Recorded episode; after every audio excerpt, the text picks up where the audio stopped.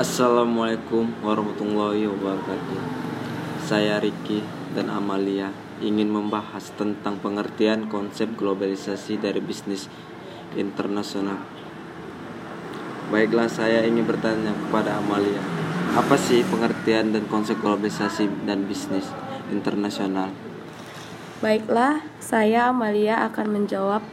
Globalisasi merupakan suatu istilah yang berhubungan dengan peningkatan keterkaitan dan ketergantungan antar bangsa, antar manusia di seluruh dunia melalui perdagangan, investasi, perjalanan, budaya, populer dan bentuk-bentuk interaksi yang lain. Sehingga batas-batas negara menjadi bias.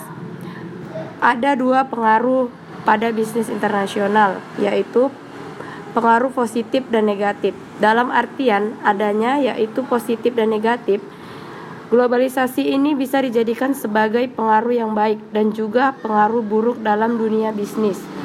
Pengaruh positif adalah pengaruh terhadap bisnis antara lain produksi global dapat ditingkatkan dari sebelumnya.